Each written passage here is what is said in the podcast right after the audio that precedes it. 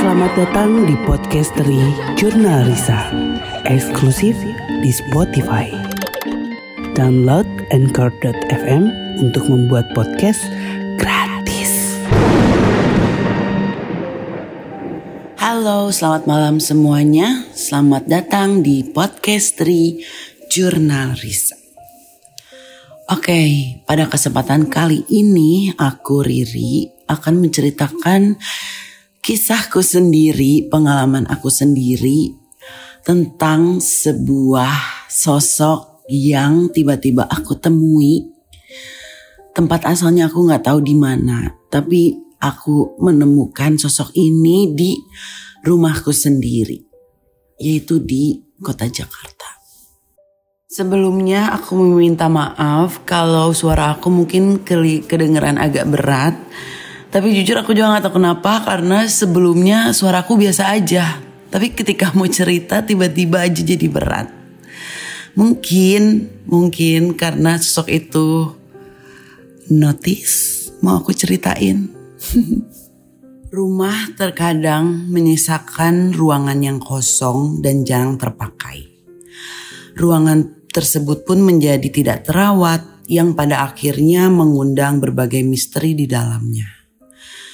Oke, okay, aku awali cerita uh, sebelum aku merit.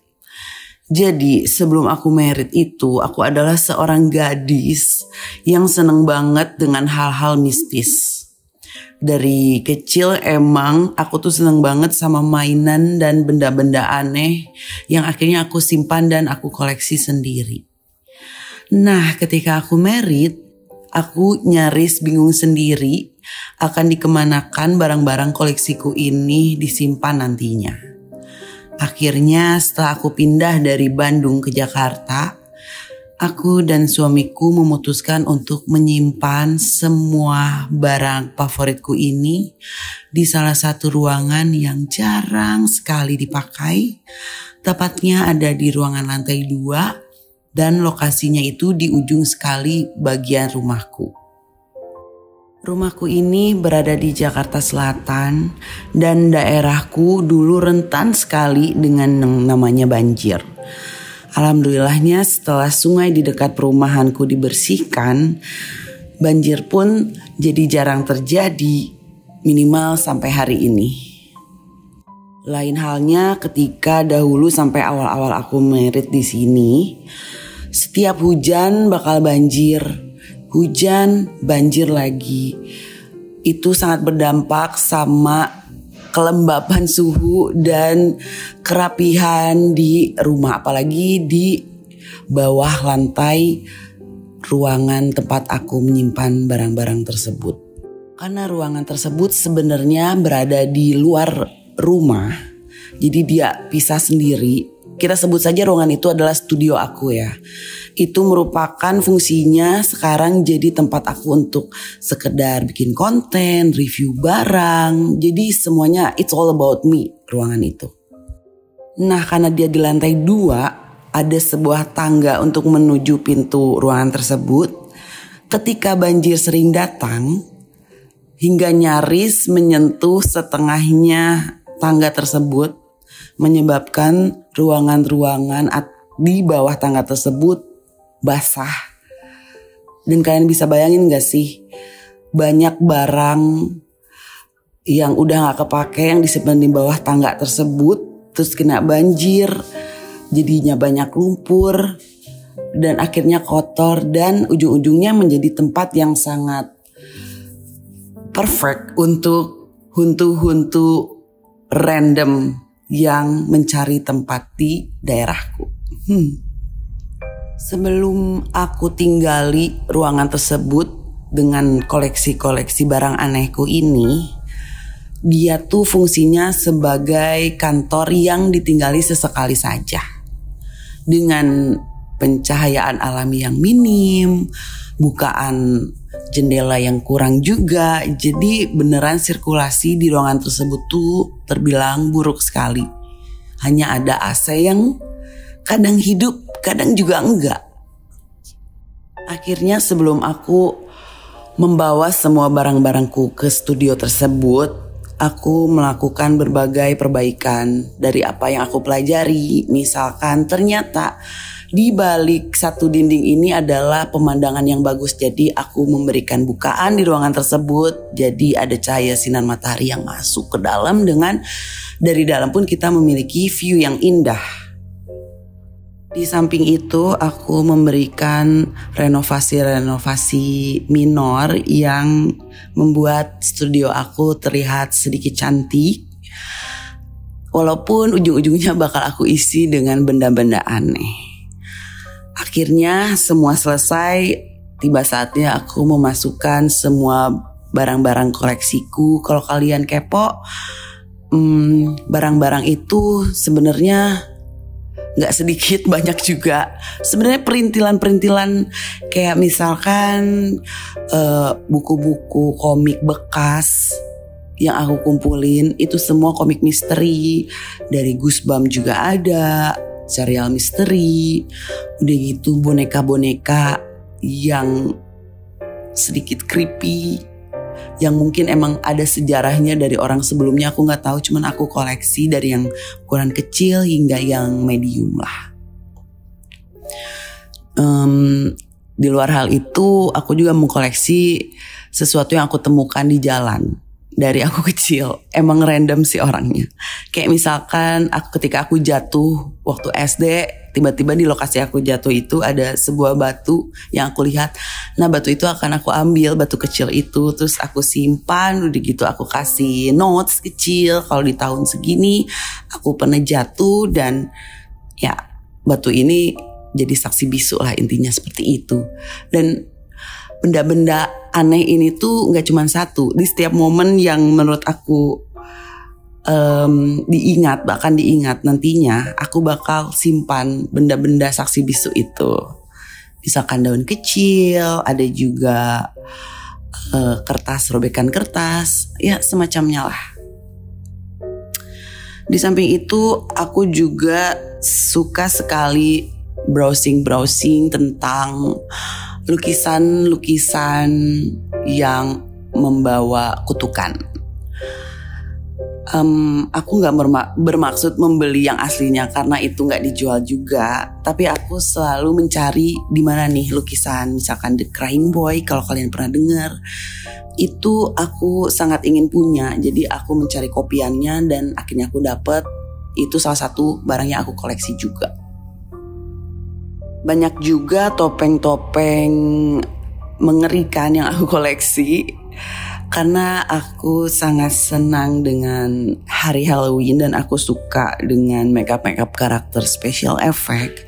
Jadi mau nggak mau semua perlengkapan itu aku taruh juga di studioku. Sebenarnya pada awal mula aku memasuki ruangan studio aku itu, nggak ada hal yang sangat ekstrim yang aku lihat. Hanya sekelebat-sekelebat dari makhluk sebelumnya yang menempati tempat itu, but that's okay. Udah wajar. Aku istilahnya manusia baru yang masuk ke ruangan itu.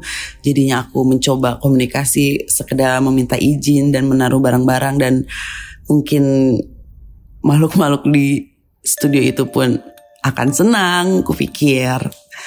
Sampai akhirnya um, manajerku Adit memberikan aku suatu hadiah yaitu berupa tumbuhan kaktus lumayan besar sekitar 60 cm tingginya. Uh, katanya sih sangat perfect untuk disimpan di studio aku, menambah keestetisan di sana. Oke dengan senangnya aku simpan tepat di jendela yang baru aku buat yang menghadap ke jalan raya sehingga si pikiran aku tuh si kaktus tersebut bakal dapat cahaya matahari yang banyak gitu kan. Tapi entah kenapa di keesokan harinya kaktus tersebut seperti ada yang mencabut. Kaktus tersebut jatuh, potnya pecah, Terus potnya, masalahnya itu lokasi pot pecahnya itu berjauhan dengan si badan kaktusnya. Jadi kayak ada yang mentalin gitu loh. And that's why aku berpikir saat itu, oh mungkin, mungkin penghuni sebelumnya itu tidak senang dengan tumbuhan tersebut. Makanya aku membawa keluar si kaktusnya dan mencoba menanam kembali di daerah lain. Kejadian ini sebenarnya hampir membuat seluruh penghuni rumah agak sedikit takut. Cuman iya aku mencoba untuk menenangkan semua kalau misalkan ini emang jatuh aja gara-gara angin atau apa. Padahal nggak ada sama sekali jendela yang terbuka.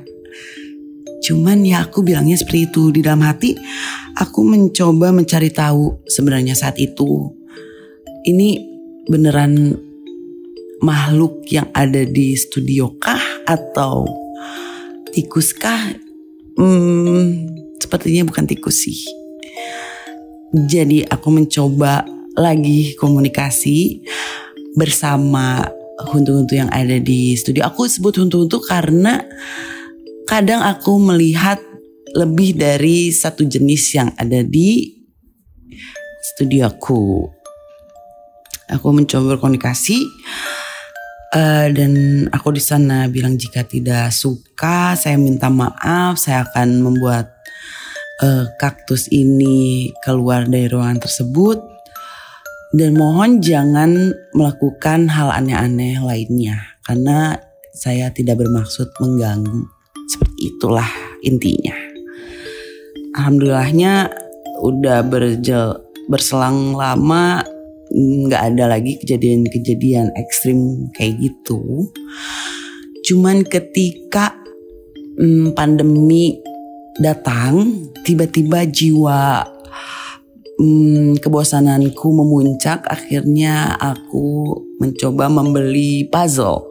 Ya, aku membangun kembali hobi-hobi lamaku. Dulu aku seneng banget bikin puzzle dan akhirnya aku Hmm, di usiaku yang sekarang aku membeli puzzle dengan tingkatan kesulitan di atas rata-rata.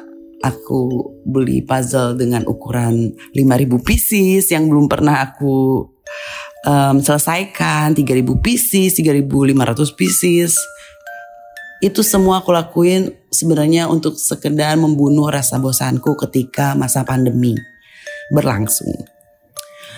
Dan entah kenapa setiap gambar puzzle yang aku pesan itu adalah sosok sebuah seorang noni-noni Belanda. Nggak tahu kenapa kalau bukan noni Belanda, pasti lukisannya tentang pemandangan pemandangan rumah-rumah Eropa zaman dulu. Seperti itulah intinya. Dan setiap lukisan puzzle yang aku selesaikan, aku selalu um, figurain, kacain lukisan puzzle tersebut. Jadi akhirnya membentuk suatu figur lukisan yang dikasih bingkai emas. Jadi benar-benar lukisan tok noni-noni Belanda. Tanpa disadari karena masa pandemi itu panjang, belasan figura berisikan sosok noni-noni Belanda tuh udah aku selesaikan. Banyak banget tertumpuk. Akhirnya karena udah numpuk dan sayang juga kalau nggak dilihat kan. Aku pasang semuanya di studio pribadi aku tersebut. Awalnya aku nggak merasakan apa-apa malah kayak oke okay, wow di masa pandemi ini aku bisa membuat segini banyak puzzle lukisan yang sangat indah ya gitu. Tapi lama-kelamaan ketika jadi setiap hari itu kalau aku masuk studi, studio aku itu biasanya dari jam 10 sampai jam 3 sore. Kalau misalnya telat dari jam 3 sampai jam 6 maghrib seperti itulah setiap harinya. Dan itu yang masuk cuman aku seorang, gak pernah orang lain lagi. Jadi walaupun dia berada di luar rumah, dia memakai kunci kode gitu dan hanya aku yang tahu kode ruangan tersebut. Jadi hanya aku yang keluar masuk studio tersebut. Oke, di suatu hari ketika semua lukisan sudah ter terpajang dengan rapi, muncul kembali keinginan aku untuk mengkoleksi sesuatu. Aku tiba-tiba ingin gitu. Jadi sorry ya, aku tuh orangnya bener-bener kalau misalkan aku lagi ingin ini koleksi, aku ingin ini koleksi, tapi beneran nggak hilang, beneran aku simpan. Jadi ujung-ujungnya memenuhi satu studio horor aku itu.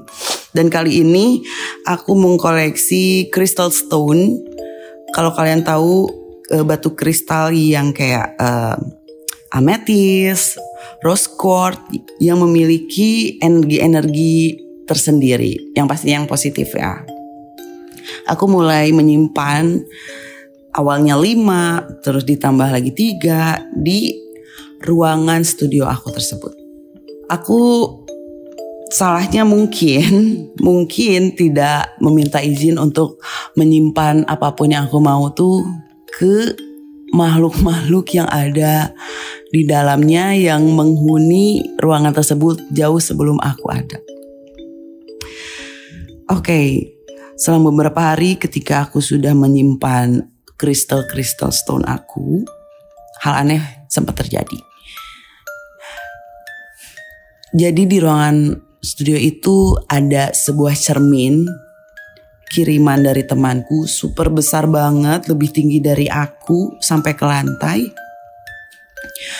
Nah, ketika aku berkaca di cermin itu hendak mau mereview suatu um, setelan baju, aku melihat di pantulan kaca di belakang aku ada sekelebat bayangan seorang gadis. Tepatnya sekitar umur 12 atau 13 tahun, masih muda sekali. Membelakangi aku dan dia menghilang masuk ke dalam oh, oh. ada suara guys takut oke okay, masuk ke dalam salah satu lukisan seorang anak kecil noni Belanda yang ada di studio hororku Langsung tuh aku beneran kaget banget karena bayangannya jelas banget. Awalnya aku lari langsung ke arah pintu, ngebuka pintu tapi akhirnya aku diem lagi. Terus terpaku dan berusaha melihat yang ada di belakang aku.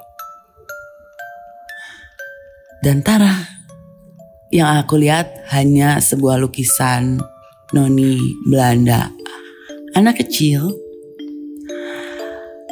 yang berubah mimik mukanya. Dari yang tadinya diam, sekarang terlihat sedikit sedih.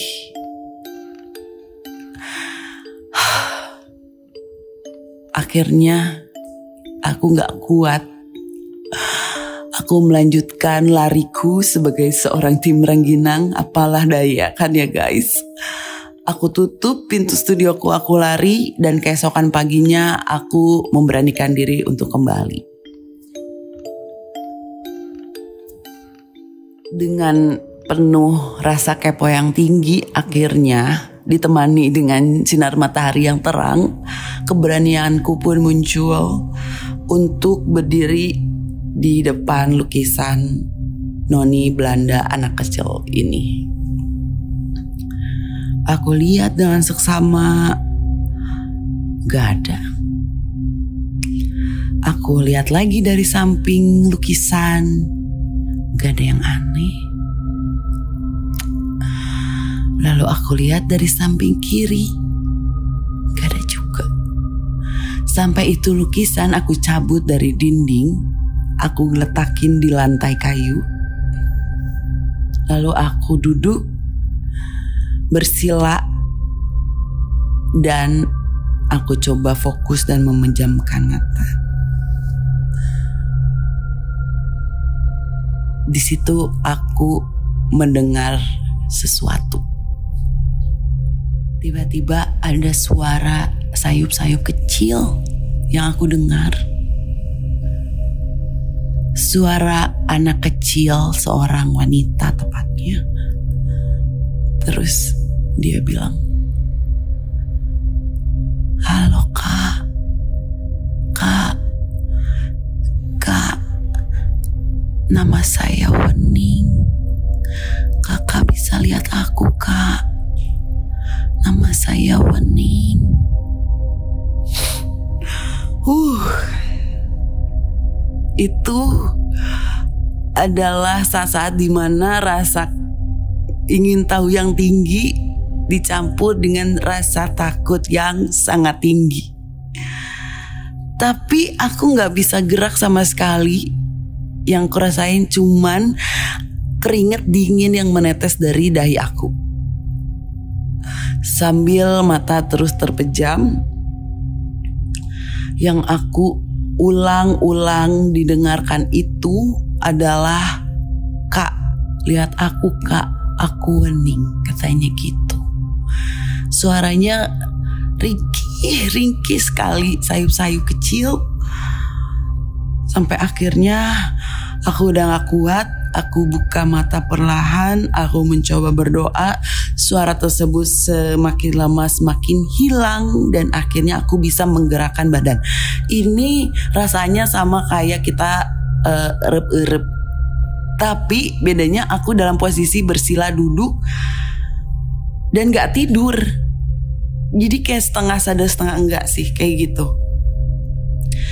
Oke, okay, Akhirnya lagi dan lagi aku berlari menuju pintu pintu kayu merah itu warna pintu di studio aku lari dan akhirnya aku nggak mau ke studio itu lagi berhari-hari dengan meninggalkan lukisan tersebut tergeletak di lantai kayu studio. Dua sampai tiga hari kemudian aku benar-benar ada kerjaan juga, ada acara dan harus pergi ke Bandung juga. Jadi studio nggak sama sekali aku pikirin. Dan sesampainya ke Jakarta kembali, aku malamnya dimimpiin oleh gadis kecil bernama Wening. Sebelumnya aku mau deskripsiin dulu lukisan puzzle gadis Belanda yang aku tinggalkan tergeletak di studio itu memiliki rambut panjang sepinggang berwarna merah kecoklatan. Terus dia menggunakan gaun berwarna biru muda. Ada pita di rambutnya berwarna putih dan ada sedikit poni di dahinya dengan mata seperti almond. Dia sangatlah cantik. Di dalam mimpi ini, aku melihat banyak sekali anak-anak kecil yang sedang berkumpul bermain di sebuah pohon yang lumayan besar. Tapi ada keanehan yang terjadi ada satu kelompok anak-anak pribumi dan di tempat lain itu adalah anak-anak Belanda. Entah kenapa yang aku ingat adalah sosok anak kecil Belanda yang ada di lukisan puzzleku. Si sosok wanita cantik bergaun biru muda di mimpi itu, mata aku terus berkeliling mencari di kumpulan anak-anak Belanda, mencari sosok tersebut, tapi tak ada satupun yang memakai gaun biru.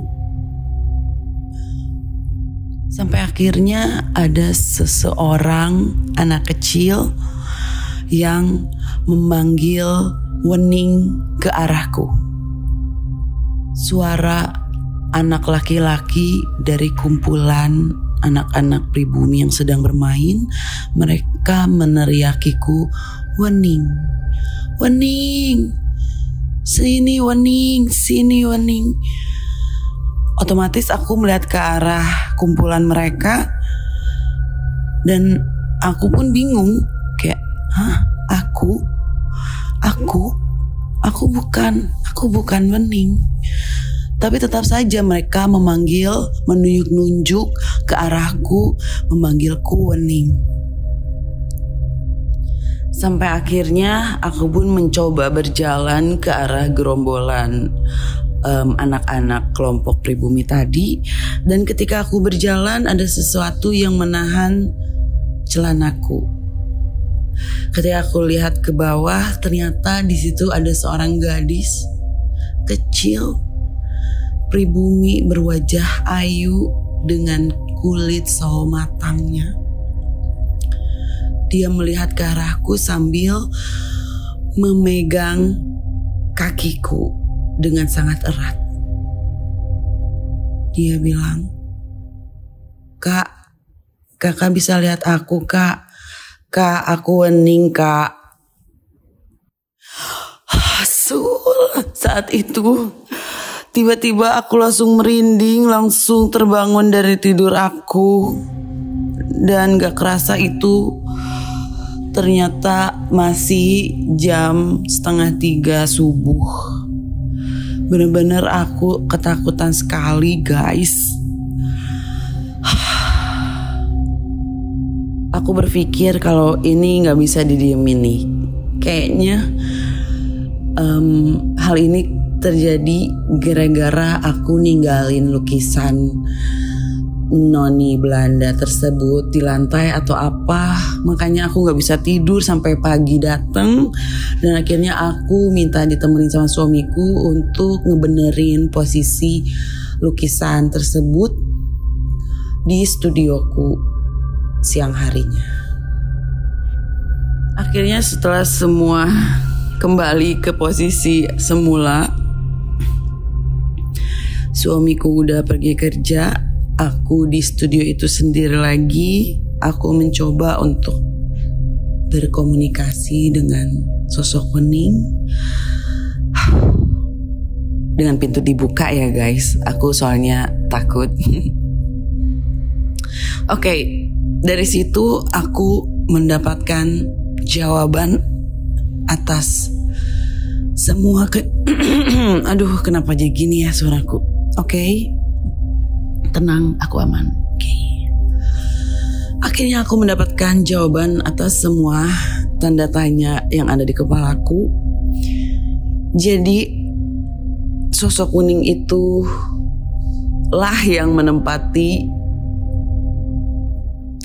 lukisan Anoni Belanda anak kecil di studioku yang sebelumnya aku pikir sosok bayangan yang aku lihat menuju ke lukisan tersebut adalah sosok anak kecil noni Belanda. Ternyata itu bukan. Itu adalah sosok Wening yang merupakan sosok anak pribumi dari zaman dahulu.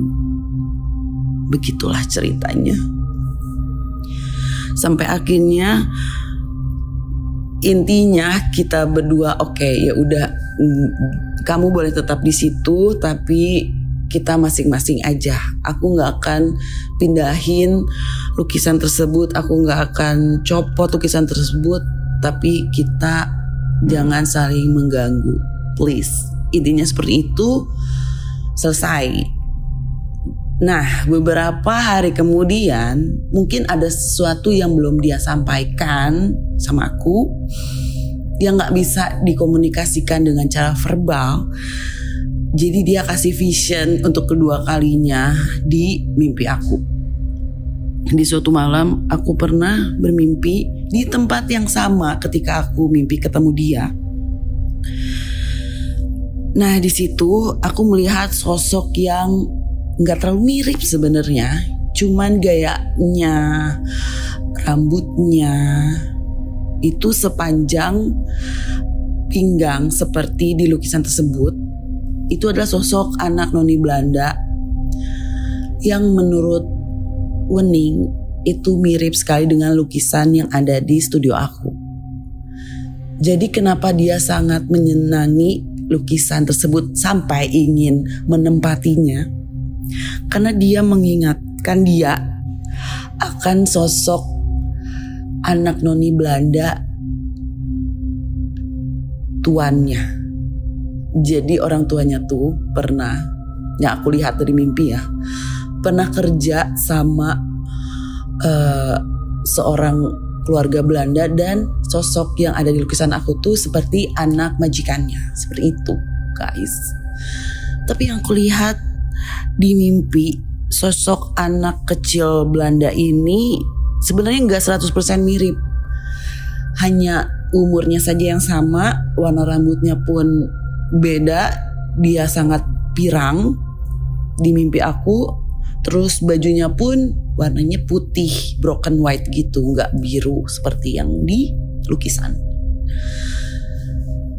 Dan lebih pucat aslinya. Seperti itu. Wah guys, untungnya hingga saat ini ya kadang mungkin maksudnya deoning ini tidak mau menampakkan diri cuman kadang juga kebablasan mungkin ya. Jadi ya udahlah kita saling memaafkan saling oke okay, masing-masing saja gitu kan.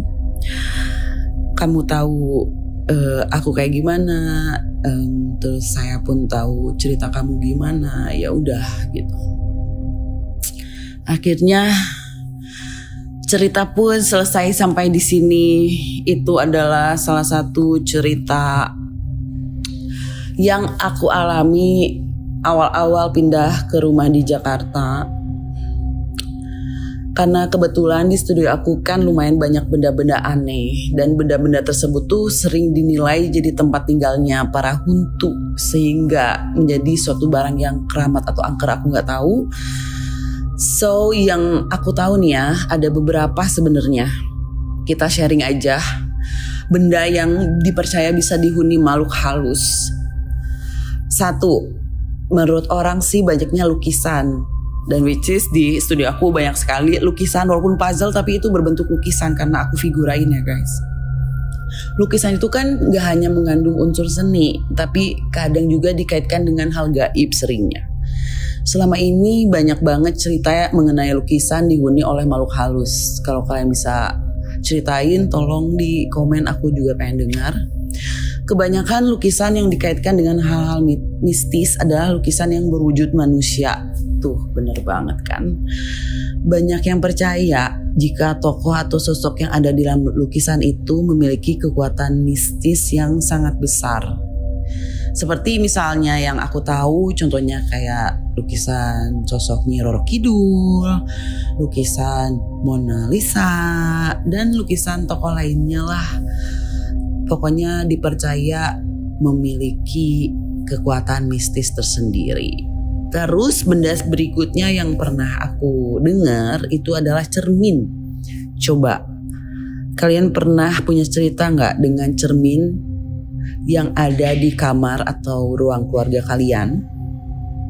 Yang ku tahu banyak banget budaya di dunia ini yang menganggap cermin sebagai portal dimensi antara dunia nyata dan dunia goib. Kebetulan di studio aku ada cermin yang sangat besar dan itu mungkin jadi tempat yang sangat empuk ya untuk menjadi gerbang untuk itu biasanya aku banyak dengar nih banyak banget ritual yang memanggil hantu atau berkomunikasi dengan hantu itu sering melibatkan cermin. Cermin juga dipercaya bisa menjadi rumah bagi makhluk halus. Salah satunya adalah cermin berhantu yang ada di rumah Myrtle's Plantation. Kalau kalian pernah dengar, cermin tersebut dipercaya dihuni oleh roh wanita pemilik rumah tersebut dan juga anak-anaknya. Terus yang aku tahu juga adalah foto. Foto tuh kan dihasilkan oleh kamera dan gak sedikit orang-orang tuh kadang menyimpan foto-foto hantu yang gak sengaja gak sadar mereka dapetin atau ketangkep penampakan hantu tersebut. Ketika foto dicetak, mereka baru sadar bahwa di dalam tersebut ada suatu penampakan yang tertangkap. Nah biasanya kalau yang kayak gini-gini nih aku simpen di handphone biasanya aku sakit. Kalau kalian gimana? Ada yang pernah ngerasain? Dan yang aku dengar lagi boneka. Ini sih, ini banyak sekali boneka-boneka yang lumayan creepy di kantor studio aku. Makanya wajar lah kalau ada sosok wening dan sebagainya yang senang untuk datang Karena boneka kan itu adalah salah satu benda mati yang dipercaya bisa dihuni atau dimasuki makhluk halus untuk berlindung. Makanya banyak banget nih beberapa boneka di dunia yang terkenal, contohnya Annabelle itu dikaitkan dengan hal, -hal mistis karena dipercaya menjadi tempat makhluk tersebut bersemayam. Huh, mudah-mudahan kalau misalkan kalian punya boneka yang agak creepy, gak di gak dihuni sama makhluk-makhluk yang negatif ya guys. Oke ini um, mitos terakhir yang pernah aku dengar juga dan ini ada di studio aku entah kenapa juga ada di studio aku yaitu adalah baju pengantin Tara. Jadi aku menyimpan baju pengantin dress merah aku itu di studio. Pinter banget kan Riana? Itu ternyata banyak yang bilang kalau baju pengantin itu salah satu yang paling disukai oleh Huntu. Oke, dan walaupun aku sekarang tahu, aku tetap nggak akan mindahin atau kenapa juga karena mungkin udah kepalang serem juga ya udahlah. Huh. Ya udah guys, tanpa disadari di beberapa sudut rumah kita pun ternyata terdapat aura negatif ataupun aura positif yang mempengaruhi kehidupan. Bahkan yang aku dengar para peneliti menyebutkan dengan adanya namanya kalau nggak salah zona geopatogenik kalau nggak salah jadi aura negatif itu akan menyebabkan beberapa hal yaitu seperti mimpi buruk, insomnia, mudah marah, sakit kepala, kekebalan tubuh melemah, atau bahkan dapat menyebabkan munculnya penyakit kronis. Aduh jangan sampai deh. Yang aku tahu cara mengatasinya mudah banget jadi biarkanlah sinar matahari dan udara itu masuk ke dalam ruangan. Jadi nggak perlu terlalu lama lah, bisa 1 sampai 2 jam sehari itu udah cukup banget untuk ngurangin aura-aura negatif. Itu sih yang aku dengar. Jadi aku pun mencoba menerapkannya di studio aku untuk mencoba membuat bukaan-bukaan, kadang jendela dibuka juga sejam dua jam lah lumayan.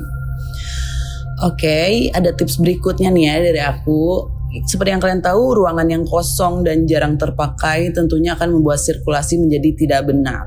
Hal ini membuatkan ruangan menjadi lembab kan guys. Nah akibatnya jamur berkembang, terus ada sudut-sudut ruangan yang mulai rusak dindingnya, furnitur juga jadi jelek. Tentunya ini bikin ruangan di rumah bakal nggak nyaman kan. Nah salah satu triknya adalah perbaiki sirkulasi udara. Kalau misalkan kalian nggak punya bukaan untuk udara, kalian bisa pasang exhaust fan atau menggunakan kapur penyerap air. Itu sih tips and trick sedikit dari aku. Dan tips and trick lainnya, biasanya kan ruangan yang kosong itu digunakan untuk menyimpan barang-barang yang nggak kepake. Nah kalau itu kejadian pastinya barang-barang tersebut kan jarang dibersihin. Hal ini tentu akan membuat debu terus numpuk, apalagi bisa ganggu kesehatan, terutama pernapasan. Oleh sebab itu, walau jarang dipakai, sebaiknya bersihkanlah secara teratur ya guys ruangan tersebut. Jadi nggak akan jadi biang penyakit lah intinya seperti itu. Masih berhubungan dengan poin sebelumnya, ternyata ruangan yang kosong juga kotor dan berdebu dapat menjadi sarang binatang. Nah, ini nih. Biasanya kalau nggak serangga, ya tikus. Aduh, jangan sampai deh. Seperti yang kita ketahui bersama, kedua binatang tersebut memang menyukai tempat-tempat kotor dan tidak terawat kamu tentunya nggak mau kan? Sebaiknya mulai sekarang perhatikanlah kebersihan setiap ruangan yang ada di rumah kalian guys. Dengan demikian, niscaya ruang kosong di rumah akan tetap bersih dan terbebas dari binatang yang mengganggu. Sama yang terakhir nih, siapa bilang ruangan kosong jauh lebih aman? Justru ruangan kosong yang gak kepake itu bisa jadi incaran maling guys. Biasanya di ruangan kosong tuh kan banyak barang yang disimpan dan ruangan tersebut kurang dapat perhatian dari pemilik rumah. Nah, peluang inilah yang membuat maling akan mengincar rumah bahkan dapat melaksanakan aksinya dengan mudah. Makanya hati-hati ya guys. Dan ini sedikit lagi. Titik-titik ruang kosong yang sering ditinggali hantu. Mulai dari area atas lemari hingga bawah kasur, tempat-tempat ini kita sering jadikan tempat nongkrong makhluk halus katanya. Selain itu banyak juga orang bertanya mengenai berapa lama rumah nggak boleh kosong. Seperti yang kalian tahu, Aangga pernah bilang tiga hari bahkan suatu ruangan apabila ditinggali oleh penghuninya maka itu menjadi tempat yang nyaman ditinggali oleh makhluk halus. Biasanya terdapat area kosong di atas lemari. Ya gak sih guys? Nah menurut aku entah kenapa di atas lemari selalu menjadi tempat yang favorit untuk makhluk halus. Duduk-duduk, atau nongkrong. Makanya hati-hati buat kalian yang ada space sedikit di atas lemari kamarnya itu tolong ditindaklanjuti ya guys. Entah kalian penuhi dengan barang-barang atau apa mungkin. Tapi menurut aku logikanya mungkin mereka senang duduk di atas lemari untuk bisa memandangi kalian yang sedang tidur dari atas kalian. Tapi selain atas lemari ada pojokan ruangan juga itu merupakan area favoritnya Wening. Ya, aku sering banget ngelihat Wening ada di pojokan ruangan. Secara logika sebenarnya pojokan ruangan biasanya sering disarangi oleh laba-laba atau menjadi area kotor yang jarang dibersihkan. Hmm, tampaknya Wening ataupun hantu-hantu lainnya lebih senang memperhatikan kita orang-orang yang memakai ruangan tersebut dari pojokan. Suka sekali intinya dengan area kotor ya guys, makanya hati-hati. Untungnya, untungnya di studio aku tuh nggak ada tempat tidur, tapi yang aku tahu kolong tempat tidur menjadi salah satu tempat yang mereka sukai untuk tanda kutip bersantai sambil nunggu kamu menemukan mereka. Kidding, jangan takut guys.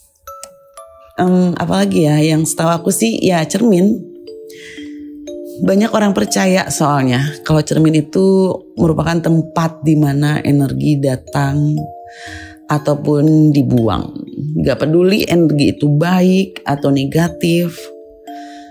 Pokoknya yang bisa aku saranin mengenai cermin, kamu harus mulai memperhatikan apakah lokasi cermin itu bisa bagus, menghasilkan negatif atau positif, areanya seperti misalkan di seberang pintu. Kalau nggak salah jangan menghadap ke tempat tidur deh, karena cermin itu bisa menghisap energi kalian, jadi setiap kalian bangun bisa jadi lemas gitu. Makanya kalau misalkan posisinya seperti itu mungkin agak digeser. Dan yang terakhir sebagai penutup ya guys, salah satu area lainnya yang sering dijadikan tempat favorit para huntu ternyata nggak jauh dari keberadaanmu. Saat kosong, banyak yang bilang jika mereka suka menyamar menjadi guling yang suka kamu peluk. Tampaknya kamu harus mulai perhatiin gulingmu deh. Bisa-bisa yang kamu peluk itu ternyata bukan guling. Begitulah cerita kali ini yang bisa aku share sama kalian. Memang sebenarnya kalau kita sudah jauh mengenal suatu sosok maka sosok tersebut tidak akan semengerikan itu kok. Walaupun sebenarnya jujur aku belum pernah melihat sosok Dek Wening ini dalam keadaan yang wujud sebenarnya. So far dia nunjukin ke aku menjadi sebagai sosok yang baik, fisik yang utuh, dan aku pun belum sampai cari tahu bagaimana dia berakhir bisa sampai di sini aku belum pernah bertanya. Cuman yang aku tahu keberadaan lukisan-lukisan noni Belanda ini membuat dia tertarik untuk datang ke studioku dan akhirnya bersemayam di lukisan tersebut. Nah, aku belum tahu dan bisa janji juga nih. Adakah sosok-sosok lainnya yang mengisi belasan lukisan berwujud noni-noni Belanda yang akan bersemayam lagi lainnya aku nggak tahu. So far masih yang kenal sama aku adalah Wening dan mungkin mungkin saat ini sudah ada banyak sosok yang masuk ke dalam lukisan-lukisan aku lainnya. Cuman sampai saat ini mereka belum menunjukkan tanda-tanda untuk berkomunikasi atau aku pun tidak merasakan gangguan sama sekali. And that's okay. Gak apa-apa. Selama tidak mengagetkan ya guys. Dan kalau kalian tanya tentang sosok penghuni terdahulu di studio aku, mereka fine-fine aja. Uh, oh my god, oh my god, oh my god. Aku baru inget ada satu sosok lagi yang pernah datang ke mimpi aku dan aku yakin dia menghuni salah satu lukisan noni aku juga. Tapi mungkin aku akan ceritain di next podcast dari Junarisa karena ini juga panjang. Oh my god, kenapa aku sampai lupa ya? Pokoknya ini ada satu sosok, aku spill sedikit. Dia adalah seorang suster. Udah itu aja. Oke, okay, see you on the next podcast dari Junarisa. I love you guys. Thank you so much. Jangan lupa untuk terus lihat sekeliling kalian siapa tahu ada sesuatu yang menghuni benda-benda tanda kutip yang aku jelasin tadi. Bye.